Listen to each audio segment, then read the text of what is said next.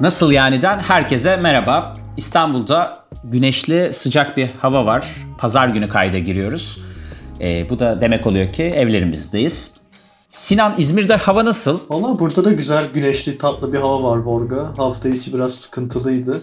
Ama hafif hafif artık böyle hani bahar havaları, güzel havalar geliyor gibi. Ee, çok teşekkürler. Kaan, Almanya'da peki e, sana hava durumunu sormayacağım. Daha ilginç bir sorun var. Covid'le mücadele nasıl gidiyor? Geçenlerde Merkel bir özür diledi. Kısaca bahseder misin? Merak ettiğimiz sevgili dinleyicilerimiz de bilgilensin. Covid'le mücadelemiz e, müthiş gidiyor, harika. Yani birkaç hafta öncesinde normal hayata döndük denebilir. Fakat bir hafta 10 gün falan sürdü. Şu 7 gün endeksimiz bir anda 30-40'lardan 80-90-100'lere fırladığı için şu an her şey duruyor tekrar. Yani bir sene öncekiyle aynı konumdayız aslında şu an. Peki sen Sayın Merkel'in özrünü kabul ediyor musun Kaan? Bu konu hakkında düşüncen nedir? Ben Almanya'da yaşamakta olan bir Türk vatandaşı olarak Merkel'in özrünü kabul ediyorum. Benim hakkım Merkel'e helaldir. Ee, teşekkürler Kaan. bunu. Teşekkürler Kaan. ben kabul Burada- etmiyorum. Ee, Sinan senin zaten kabulünün burada bir geçerliliği yok şu an. Merkel için sen bir dış mihraksın ama Kaan bir iç mihrak. Dolayısıyla e, Ben artık sözünü- ke- kelle almak istiyorum. Ben Covid'in kelle almasını istiyorum arkadaşlar artık. Şaka maka Covid kellesini ala ala Donald Trump'ın kellesini aldı. Çok ilginç bir olay. Ama artık birilerinin koltuğunun değişmesi gerekiyor diye düşünüyorum. Sanki Macron'un da alacak gibi hissediyorum ben. Türkiye'nin e, Fransa seçimlerine müdahil olması hakkında e, konuşacağına Sayın Macron biraz ülkedeki aşılamalarla ilgilenirse sanki gündem dağılmamış olur diye düşünüyorum. Buradan da politik mesajlara girdik artık. Nasıl yani nasıl bir konsepte geçti? Bunların hepsi espri niteliği de taşıyordur arkadaşlar. Lütfen e, bizi her zaman ciddiye almayın. Tweetlerimizin ve sözlerimizin %99'unu biz atıyoruz. Bunu da unutmayın. O zaman Ama artık yavaştan... %20'sinin arkasındayız. Güzel, güzel. Ee, Burada da bir Pareto ilkesi var. 80'e 20. Devam edelim. O zaman bugün e, konuya girelim. Ben bir kredi çektim arkadaşlar. Ee, Bakalım bugün olsun. senin nasıl bir derdini çözüyoruz. Hayırlı olsun. Ee, evet, evet dostlar kredi çektim ama banka dosyası masrafı geldi. 5000 lira ödememi istiyor banka. İsim vermeyeceğim. Ancak sinirliyim, öfkeliyim. Ee, davacı olacağım. Olabiliyor muyum diye hakkımı arayacağım. Bu sebeple de ben her hakkımı aradığımda bir bölüm çekelim dedik. Nasıl olsa ben Kaan'la Sinan'la bunları konuşuyorum. Onlar bana anlatıyor. Bu eğlenceli sohbeti neden podcastlere taşımıyoruz diye. Aa, Hukuki olarak ihtiyaçlarım çok. Nedense değil mi? Hafta aşırı. Hukuki bir ihtiyaç duyuyorum. İşte bilinçlendirelim aynı zamanda arkadaşlar. Bakın avukatlara gitmiyorsunuz. Sonrasında hukuki bir problem olduğunuzda ağlıyorsunuz. Önceden herkesin bir avukatı olursa, arkadaşı da olsa bu, e, hem istihdam artar ülkedeki hem de bu problemlerle karşılaşmazsınız. Buradan e, adalet mesajımızı da verelim. Arkadaşlar sonuç olarak ben şunu sormak zorundayım. Ben ödemek zorunda mıyım bu 5000 lirayı bankaya? Ben ödemek istemiyorum bu 5000 lirayı. Yani kredi çektim diye niye para ödüyorum ben? Allah Allah neden istiyorlar ki senden o parayı acaba? İşte banka dosyası masrafı diye bir şey kesmişler. Dosya Bir masrafı. de sen sözleşmeyi okumadın mı? Şimdi sözleşmeyi hangi söz hangi birini okuyacaktım? Şimdi o sözleşmeleri ben okumaya kalksam zaten çektiğim kredi o süreçte değer kaybedecekti. Dolayısıyla e, ben o sözleşmeyi tabii ki okumadım. Çünkü vakit nakittir diye düşündüm. Haksız mıyım Sinancım? Çok çok politik bir şey söyledin. Ben bu konuda yorum yapmak istemiyorum. Hani Ya yorumluk bir şey yok. Türk lirası kadar kredinin Türk- değeri düşerdi. Yok abi estağfurullah beni burada e, politik ben ekonomist falan uzman değilim. Ben sadece Türk lirasının hareket e, ekseni hususunda böyle bir hareketlilik vardı geçtiğimiz hafta ben bu krediyi çekerken ona e, değinmek istedim. Yoksa politik bir mesaj içermiyordu. Ya istersen Türk lirasının değeri düşerdi demeyelim Bitcoin artardı diyelim. Çünkü o da çok hareketli ya o, o dönemlerde. O yüzden Zaten Türk lirasının değeriyle ilgili şey. herhangi bir şey söylenmemişti Sinancım şimdiye kadar. Neyse okey tamam. Şimdi Morgacığım ben- öncelikle geçmiş olsun. Öncelikle geçmiş olsun gerçekten. Hani kredi çekmen hmm, hani kredi çekmenden öte bankanın senden 5000 lira istiyor oluşu sıkıntı bir şey. Ama burada tüketici olarak tabii şeyi de düşünüyorsundur. Ben bunları yani bana 20-30 sayfa sözleşme imzalattılar. Ben bunu okusam zaten hani Bitcoin artardı evet. Hani diyelim ki okudum hepsini. Bir şey de anlamayacaktın ki zaten. Hani sen tüketici olarak oradaki o teknik bilgiye sahip olamazsın. Zaten senle banka arasında büyük bir bilgi asimetrisi var. O yüzden regüle bir piyasa bir noktada. Çok güzel söyledin. Çok güzel söyledin. Ciddi bir bilgi asimetrisi var ve şunu da ben ek soru olarak eklemek istiyorum. Orada bir madde gözüme çarptı. Ben bu maddeyi kabul etmiyorum deseydim o anki banka memuru veya banka çalışanı e, sözleşmeyi ha tamam beyefendi okey onu kaldıralım o zaman diyecek miydi? Bunu da eklemek istiyorum. Yani demeyecekti senin dümdüz vorgacan olarak gidip orada çok affedersin 3 kuruşluk kredin için yeni bir sözleşme basılmayacak, yeni kağıtlar yapılmayacak tabii ki. Tam da tam da tesadüftür. Tam da bu alanı düzenlemek üzerine tüketicinin korunması hakkında kanunumuzda düzenlenen bir husus var. Senin muzdarip olduğun şey haksız şart olarak değerlendiriliyor. Haksız şart nedir? Sinancımın çok güzel söylediği gibi bir bilgi asimetrisi ve güç asimetrisi olan durumlarda senin bir banka karşısında bir hiç olduğun durumda örneğin senin müzakere edemeyeceğin hükümler sana dayatıldığında bu hükümlerden zarar görmeni engellemek üzere bazı hükümlere haksız şart olarak kabul ediyoruz. Ve bunlar daha adil sonuçlar doğurmaları için farklı değerlendiriliyorlar hukuki alemde. Bu yani bir banka gibi e, bir hayatımızdaki devlerden birisi olabileceği gibi senin günlük hayatta gidip bir telefon aldığın herhangi bir teknoloji market gibi daha küçük çaplı e, hukuki ilişkilerde de önümüze çıkabilir. Bu aslında seni şundan korumayı hedefliyor. Sen Teknosa'ya gittin bir telefon alacaksın. Sana bir sözleşme veriliyor. Sen bu sözleşmeyi değiştiremiyorsun. Kaan aklımdan Teknosa geçiyordu. Yemin ederim aklımdan Teknosa geçiyordu. Örnek verecektim. normal. Buradan Çok e, normal. Sabancı'nın avukatlarıyla karşı karşıya kalmamak adına sana bırakıyorum. Teknosa'daki sözleşmeyi beğenmedin. Çıktın. Vatan'a gittin. Vatan'dakini de beğenmedin. Çıktın. Mediamarkt'a gittin. Hepsinde 3 aşağı 5 yukarı aynı şeyler var. E ben ne yapacağım durumunda kalıyorsun. Senin bu durumda kalmaman için böyle bir düzenleme var. Sen dümdüz bir birey olarak, bir tüketici olarak bir bir karınca kadar kuvvetin olsa da hukuk düzeni olarak biz seni korumak istiyoruz ve böyle şeyleri haksız şart olarak değerlendiriyoruz. Çok iyi. Yalnız hukuk karınca düzenine kendini de kendi- dahil etmen çok beni mutlu etti bu arada. Hukuk düzeni olarak biz böyle yaparız gibisinden e, bu korumacılığın daha fazla avukatın bu noktada e, Kaan'a benzemesi dileğiyle. Yalnız Efendim. Şunu da söylemek gerekiyor. Karınca kendi kilosunun bilmem kaç yüz katı ağırlığı kaldırabilir arkadaşlar. O yüzden karınca doğru bir örnek değil bence burada.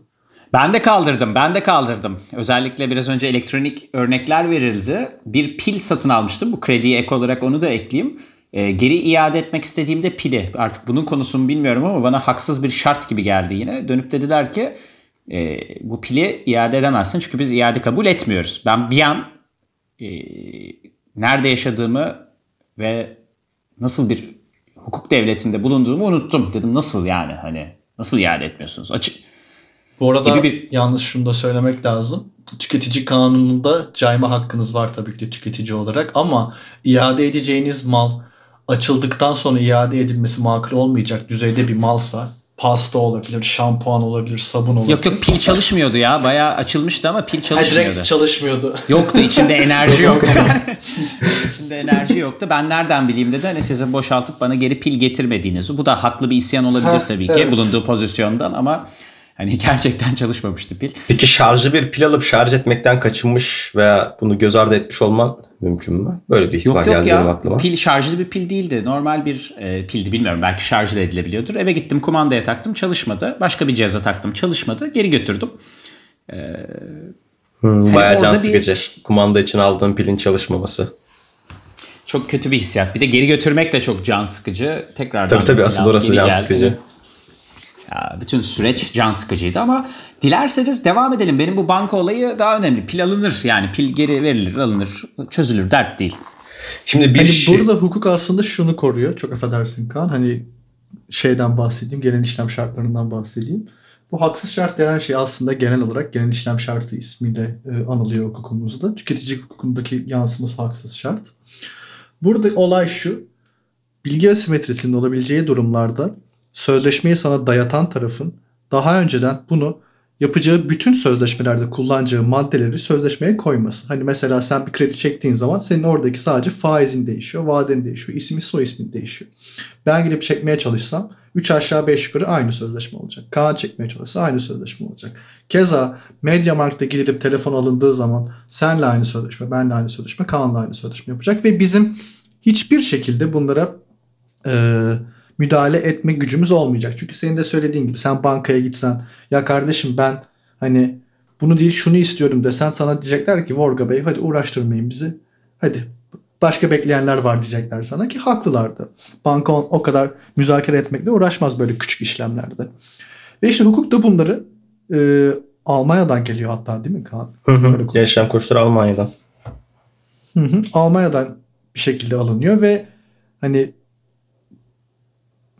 sözleşme kurulurken ona bir e, etkisi olamayacak tarafı korumaya çalışıyor aslında. Genel işlem şartı bu. Peki burada e, haksız şart hususunda ben ne yapabilirim? Yani buradaki e, 5000 lirayı ödememek için ne yapmam gerekiyor arkadaşlar? Hani ben biraz daha düz vatandaşın ağzından sadede gelelim isterim. Nasıl ödemiyoruz bu 5000 lirayı? Şimdi e, bir sözleşmede yer alan bir hükmün haksız şart olduğunu kabul ettiğimizde artık bu madde senin için bağlayıcı değil.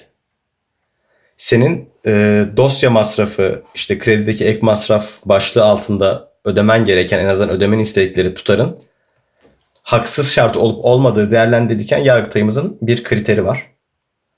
Diyor ki sen tüketici olarak bir bankaya gidip kredi çekmek istediğinde banka kredinin işte e, vadesine faizine bağlı olarak ortaya çıkabilecek masraflar dışında dosya masrafı vesaire başlıklar adı altında senden yalnızca zorunlu, makul ve masraflı giderleri isteyebilir. Yani senin dosya masrafın gerçekten ne kadarsa işte ne kadar malzeme kullanırsa ne kadar kişi onun üzerine çalıştıysa bunu belgeli olarak senden isteyebilir. Bu işlemin hacmine göre bilmiyorum 3 bin lira, 5 bin lira, 10 bin lira olabilir. Ama eğer ki 1000 liraya yapılacak bir iş için senden 5000 lira talep ediliyorsa bu haksız şarttır ve bu senden talep edilemez. Kesinlikle. Ne? O zaman bunun peşini bırakmayacağız. Ama belki Yani de senden yüzden- istenen 5000 liranın içerisinde belki de bir hayat sigortası yapılmıştır. Sana böyle bir şey mümkün mü? Kredi sözleşmelerine yaygın olarak yapılıyor bu çünkü. Açıkçası mümkünse bile öncelikle hayat sigortasının ne olduğunu açıklamanızı beklerim. Metni okumayan bir e, Vorgacan var burada. Yani sonuçta hayat sigortası denen sigorta şunu şey yapıyor. Sen bankadan kredi çektiğin zaman bankaya çektiğin kredi miktarı artı faizi kadar borçlanıyorsun. Ve banka hani öldükten sonra öbür dünyaya gelir ve o parayı senden bir şekilde tahsil eder. Ama banka bununla uğraşmak istemediği için sana hayat sigortası yaptırıyor ve kendisini lehtar olarak gösteriyor. Olur da sen ölürsen günahlı günahsız bilmiyorum. O para senin hayat sigortandan gelecek olan para bankaya gidiyor. Hani banka aslında sana verdiği kredi borcunu her iki şekilde de şey yapıyor. hmm, Garanti altına alıyor gibi düşünebilirsin. Ve bu yüzden bankanın senden kendi borcunu garanti altına almak için hayat sigortası istemesi makul. Bunu yaptırtabilir de sana. Ee, bir de burada sigortalarda küçük bir parantez açmak lazım. Sigorta poliçeleri zaten bakanlıkça onaylı poliçeler ve o yüzden e, kanuna veya hukuka aykırı bir şekilde o poliçeler düzenlenmiyor genellikle. O yüzden okumamış olsan da o poliçelerin birçok maddesi geçerli oluyor.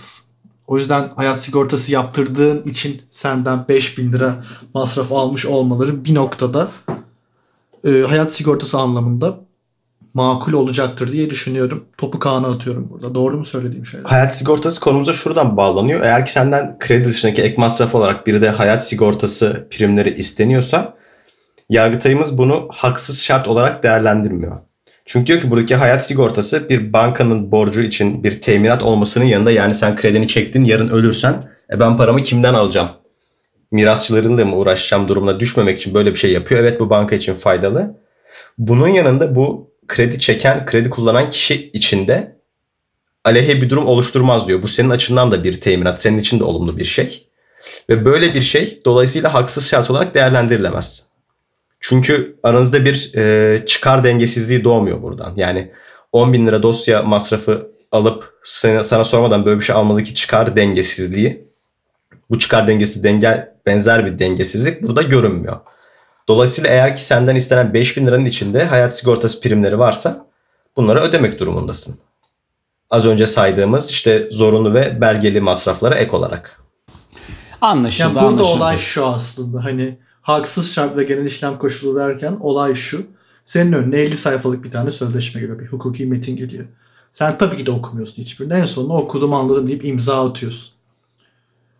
Burada senin aleyhine olabilecek bazı hususlar olabilir. Hepsi değil bu arada. Ve senin aleyhine denecek, denen şey illa senden para çıkacak anlamına gelmiyor.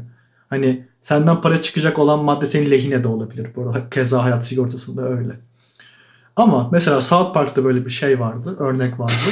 Bizim çocuklar Apple ürünü alıyordu. Ve orada şey yazıyordu. İşte bir şey yaparsanız Steve Jobs sizi Apple Headquarter'ında Human Centipede insan kırk ayak yapabilir yazıyormuş maddede. Bizimkiler de okumadan imza alıyor sözleşmeyi. Sonra Steve Jobs bunları alıyor. İnsan kırk ayak yapıyor falan bilmem bir şey. Hani böyle bir maddenin geçersiz oluşunun e, şeyi aslında müdahalesi haksız şart. Böyle Anlıyorum. sürpriz bir şeylerle karşılaşmaman gibi. Bunun haksız Bu- bunlar- olduğuna kim karar veriyor peki? çalışıyor. Bunu kim bozuyor? Yani beni yarın öbür gün bankadan 5000 lirayla birlikte insan kırk ayak yapmak isterlerse bunun haksız olduğu sonuçta düzenlenmemiştir diye tahmin ediyorum. Haksız olabilecek bir sonsuzluk var. E, kim bozuyor bunu? Yani insan kırk ayak olmakta bir çıkarın olmadığı üzerinden konuşuyoruz şu an değil mi? Aha, bunun için ayrı bir mahkeme mi görülüyor? Hani evet Vorgacan e, insan kırk ayak olması e, şeydir, sıkıntıdır gibisinden. Ee, bir istisna var mı yok mu yüzde yüz hatırlamamakla beraber ve senin işlem hacmine bağlı olarak öncelikle mahkeme değil tüketici hakem heyetleri bu olaya müdahil oluyordur diye tahmin ediyorum. Sinancım yanılıyorsam beni düzelt lütfen. Ya tabii o şey yani tüketici işlemi olduğu için öyle ama hı. insan kırk ayak olduğu için sulh hukuk mahkemesi geldi benim aklıma. Of, Çok boş yapıyoruz. Neyse. Ee, ama evet hani tüketici hakem heyetleri tü- tü- tüketici mahkemesi en son yani şuna bakıyor. Hani Vorgacan bu krediyi çekti ve bu krediyi çektiği için belli bazı masraflar çıktı bankaya ve bu masraflar olabilir mi olamaz mı? Hani mesela şu makul bir masraf olabilir.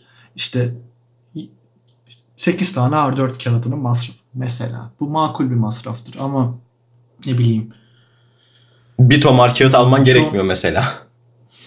Aynen.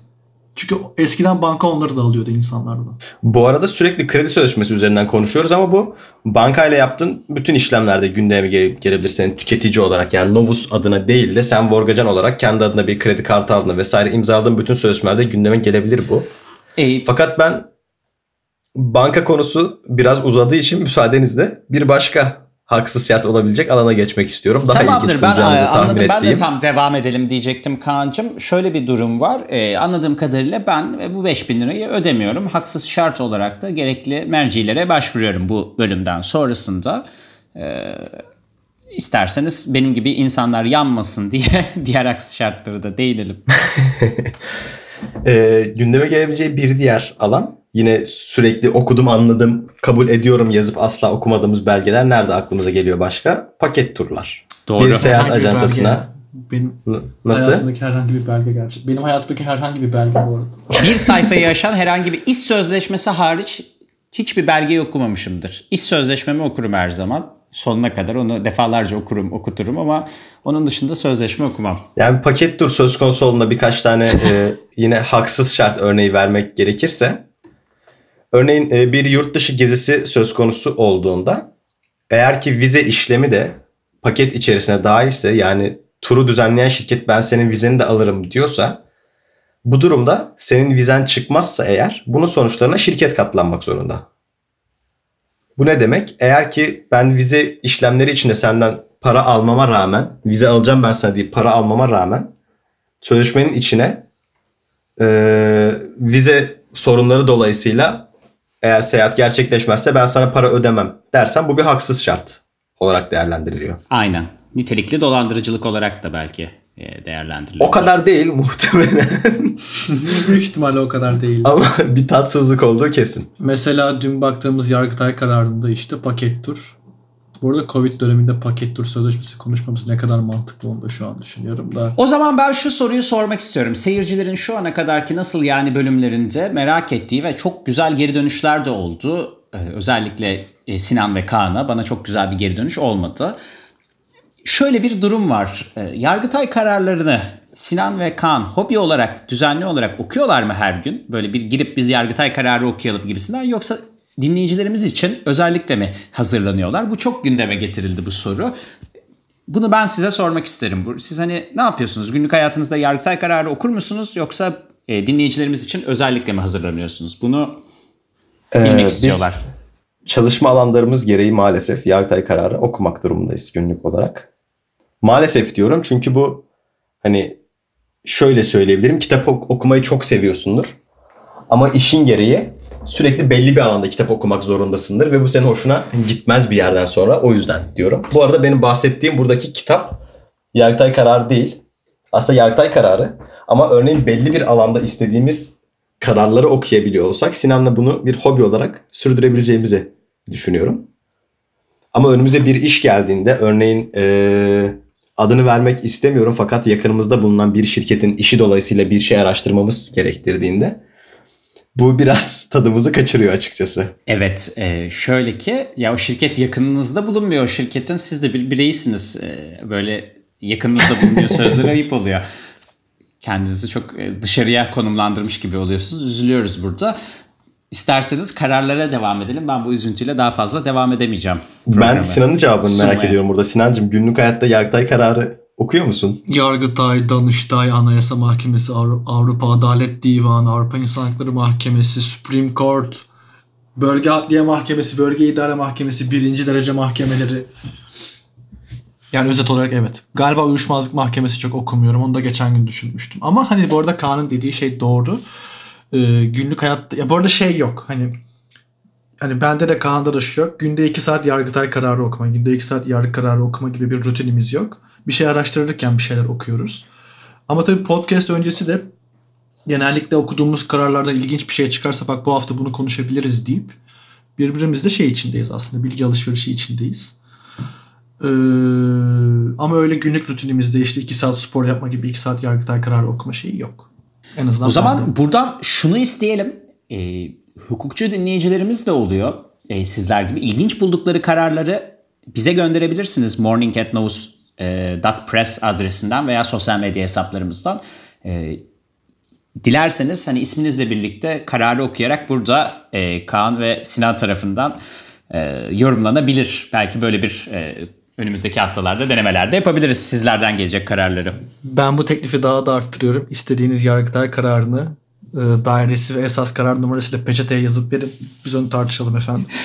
İnanılmaz, inanılmaz. Kesinlikle Gerçekten. çok memnun oluruz böyle önerilerden. Çünkü Sinan'la bizim zaten e, iyi Yargıtay kararı gördüğümüzde üf be karara bak şeklinde yükselip bir benzer karar arayışına girme hobimiz olduğu için böyle bizi hani üf be diyecek bir karar gelse önümüze eminim ki Sinancım da memnuniyetle karşılayacaktır. Çok Güzel, güzel. karar atan yalnız öyle. Sinan Kat böyle falan bir karar var mı şey bu olsun. hafta?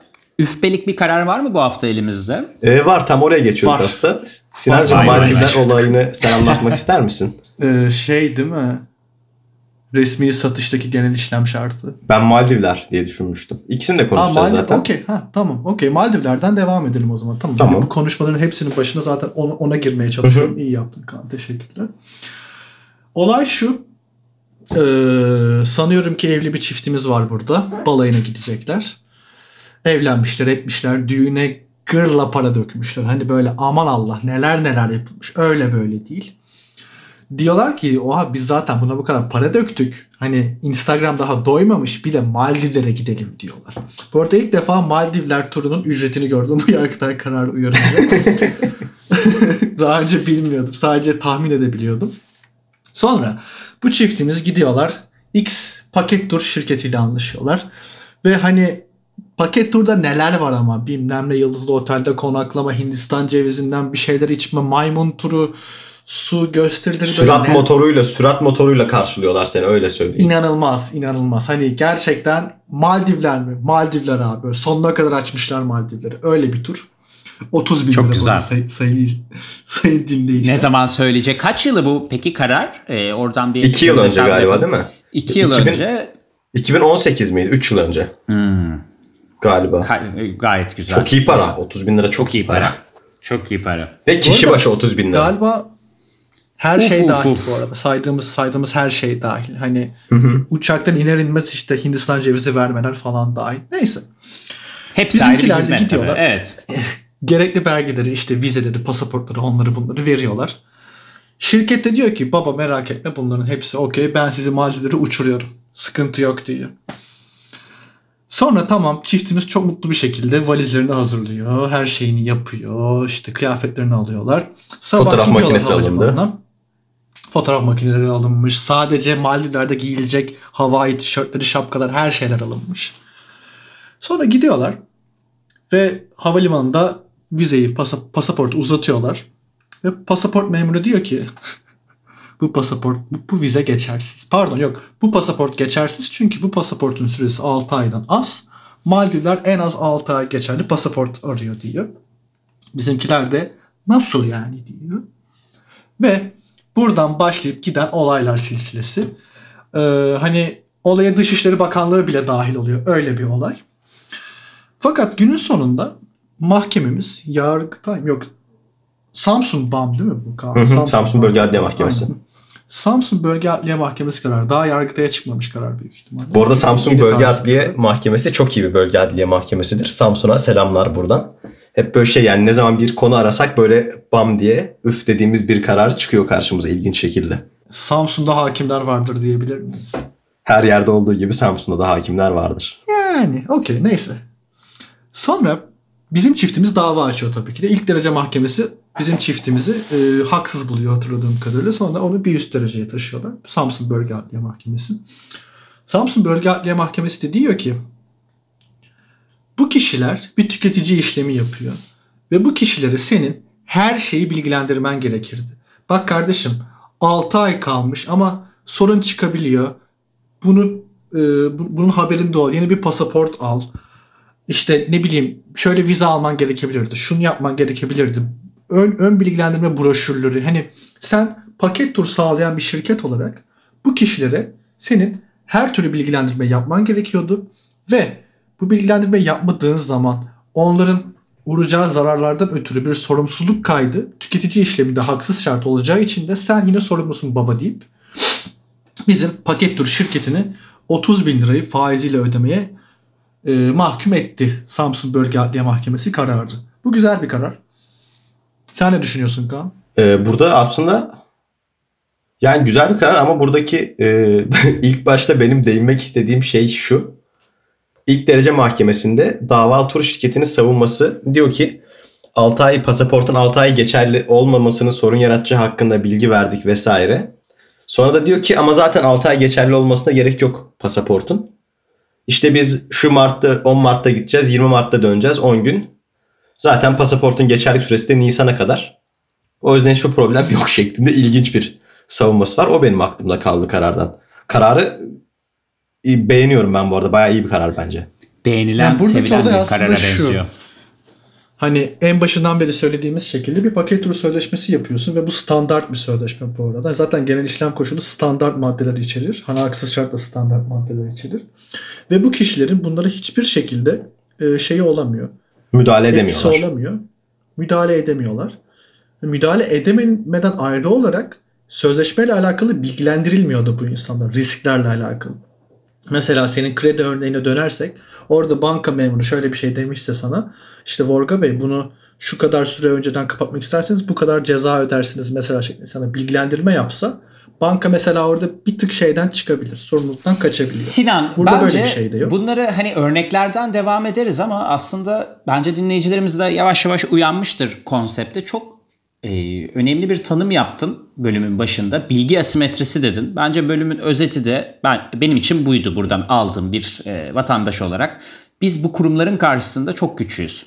E, karınca ifadesini kullanmıştık Kaan Can. Yani gittiğimizde 16-17 sayfa çok ciddi bir dille yazılmış kelimelerin karşısında ortalama bir vatandaş gerçekten çok güçsüz. Ve buradaki bilgi asimetrisinin yarattığı asla kapatılamaz know-how açığı e, bizi güçsüz durumda bırakıyor ve e, hukukta burada belli açılardan bizim yanımızda haksız şartları e, bizim için buluyor, tespit ediyor ve gerekirse kontratları bozuyor gibi anlıyorum.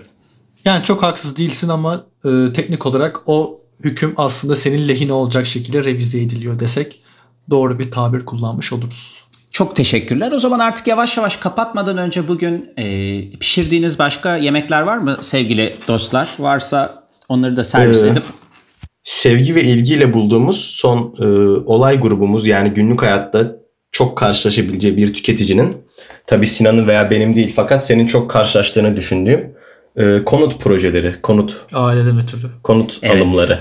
Evet, gerek inşası, e, arazi üzerinden imara açtırma, e, daire satışı hepsi şeydir efendim. Hani e, telefon İşte biz bu olayları kafamızda bırakırım. canlandırırken, tahayyül ederken biraz zorlandık Sinan'la ama şu an işte senin bilgilerinle harmanlayıp iyi bir şey ortaya çıkacak diye düşünüyoruz. Şöyle bir örneğimiz var. Örneğin bir evi almak için bir inşaat şirketiyle bir X proje için anlaştık. İlk işte e, kaporamızı, teminatı artık adını ne diyorlarsa onu verdik. 3000 lira verdik örneğin. Daha sonrasında evi almaktan vazgeçtik. Şirket de diyor ki karşım senin sözleşmende böyle böyle madde var. Bu para benim artık vazgeçtim. Bu parayı alamazsın. Yargıtayımız demiş ki e, bu 3000 TL'nin tüketiciden alınması, geri verilmemesi tüketici aleyhine bir dengesizlik yaratmaz. Dolayısıyla haksız şart niteliğinde değildir. Yani böyle bir kapora, kaba tabirle kapora olarak tabir edebileceğimiz bedel projeyi yapan inşaat şirketinde kalıyor. Sonuna kadar Fakat- desteklediğim bir e, karar bu arada. Sade düz vatandaş olarak. E, sade düz vatandaş sonuna kadar destekliyorum. Çünkü oradaki dairenin satışına engel oluyor o kişinin e, kaporasını. Kim bilir ben kime kime satacaktım o daireyi ama o insan orada tutup sonrasında ay yok ben vazgeçtim dediği için e, beni ekmeğimden ediyor. Son olarak da verebileceğimiz bir örnek yine benzer şekilde senin karşılaşabileceğin. Örneğin bir e, projeden bir konut aldık biz. 2023'te 2023'e hazır olacak. 2023 işte Mart ayında Ocak Ocak ayında teslim edilecek. Fakat sözleşme e, şu an bir inşaata başlasak tahmini 2 yıl süreceğini düşünerek hesapladım hemen kafamda yani inşaat sürecini hızlı bir fast forward yaptım kafamda hemen gözümün önünden geçirdim ve 2023 Mart'ta bitirebileceğimi hesapladım şu an başladığım bir inşaatı. Sana İnsan olsun. gerçekten helal olsun. E, 24 aylık e, süre ve bunu kafanda hesaplaman beni e, sana hayran bıraktı cidden. Şimdi eğer belirlediğimiz tarihte konut teslim edilemezse bu sözleşme aykırılık kapsamında oraya hiç girmiyorum. Evi almak isteyen kişinin bir takım tazminat hakları var. Fakat bu çok fazla yapılan bir şey. Proje şirketleri, inşaat şirketleri diyorlar ki ben işte Ocak ayında teslim edeceğim ama Ocak ayında teslim edemezsem örneğin bana 6 aylık ek süre vermek zorundasın. Bu 6 ayda hiçbir şey isteyemezsin. 6 aydan sonra da ancak işte aylık e, %0 nokta kiranın ortalama kiranın %0.1'ini vesaire istersin gibi hükümler var. E, Bunlar direkt haksız şart olarak nitelendirilmiş Yargıtay tarafından. Yani bu şu demek ben Tabii bunlar da e, kusura bakma Kaan'cığım ben yine Hı hı. e, düz sade vatandaş olarak heyecanlandım. Burada şeyim ne denir halkın yanında sizinle de aynı fikirde olacağımızı düşünüyorum. Bence de haksız şarttır diye ekleyeyim ama lütfen sen devam et. Yani bu şu demek eğer Ocak ayında teslim edilecekse bir proje Ocak ayında teslim edilmezse sen 1 Şubat'tan itibaren aslında hukuki e, yolu uygun yolu takip ederek bir takım taleplerde bulunabilirsin. Yani sana dayatılan söz sana dayatılan ve senin asla müdahale edemediğin bir sözleşmede sen hiç böyle bir şey isteyemezsin denmesi senin bunu isteyememen sonucunu doğurmuyor. Özetle böyle diyebiliriz. E, çok teşekkürler. O zaman bu haftayı sonlandıralım arkadaşlar. Gayet güzel güzel haksız şartı açıkladınız. Ben de anladığım kadarıyla 5000 lirayı e, alabilme şansına en azından sahip oldum. En azından şansın var. Doğru. şansım var. Gerekli başvuruları e, yerine getireceğim. E, aslında şöyle 5000 lirayı alma şansı demeyelim 5000 lirayı ödememe şansı diyelim. Çünkü sonuçta şey ne denir henüz ödemedim o 5000 lirayı. Buradan da hani e, aile üyelerime de sesleneyim. Ödemek isteyen varsa IBAN'ıma gönderebilirler. E, evet o zaman önümüzdeki haftalarda görüşmek üzere. Görüşmek üzere. Görüşmek üzere efendim.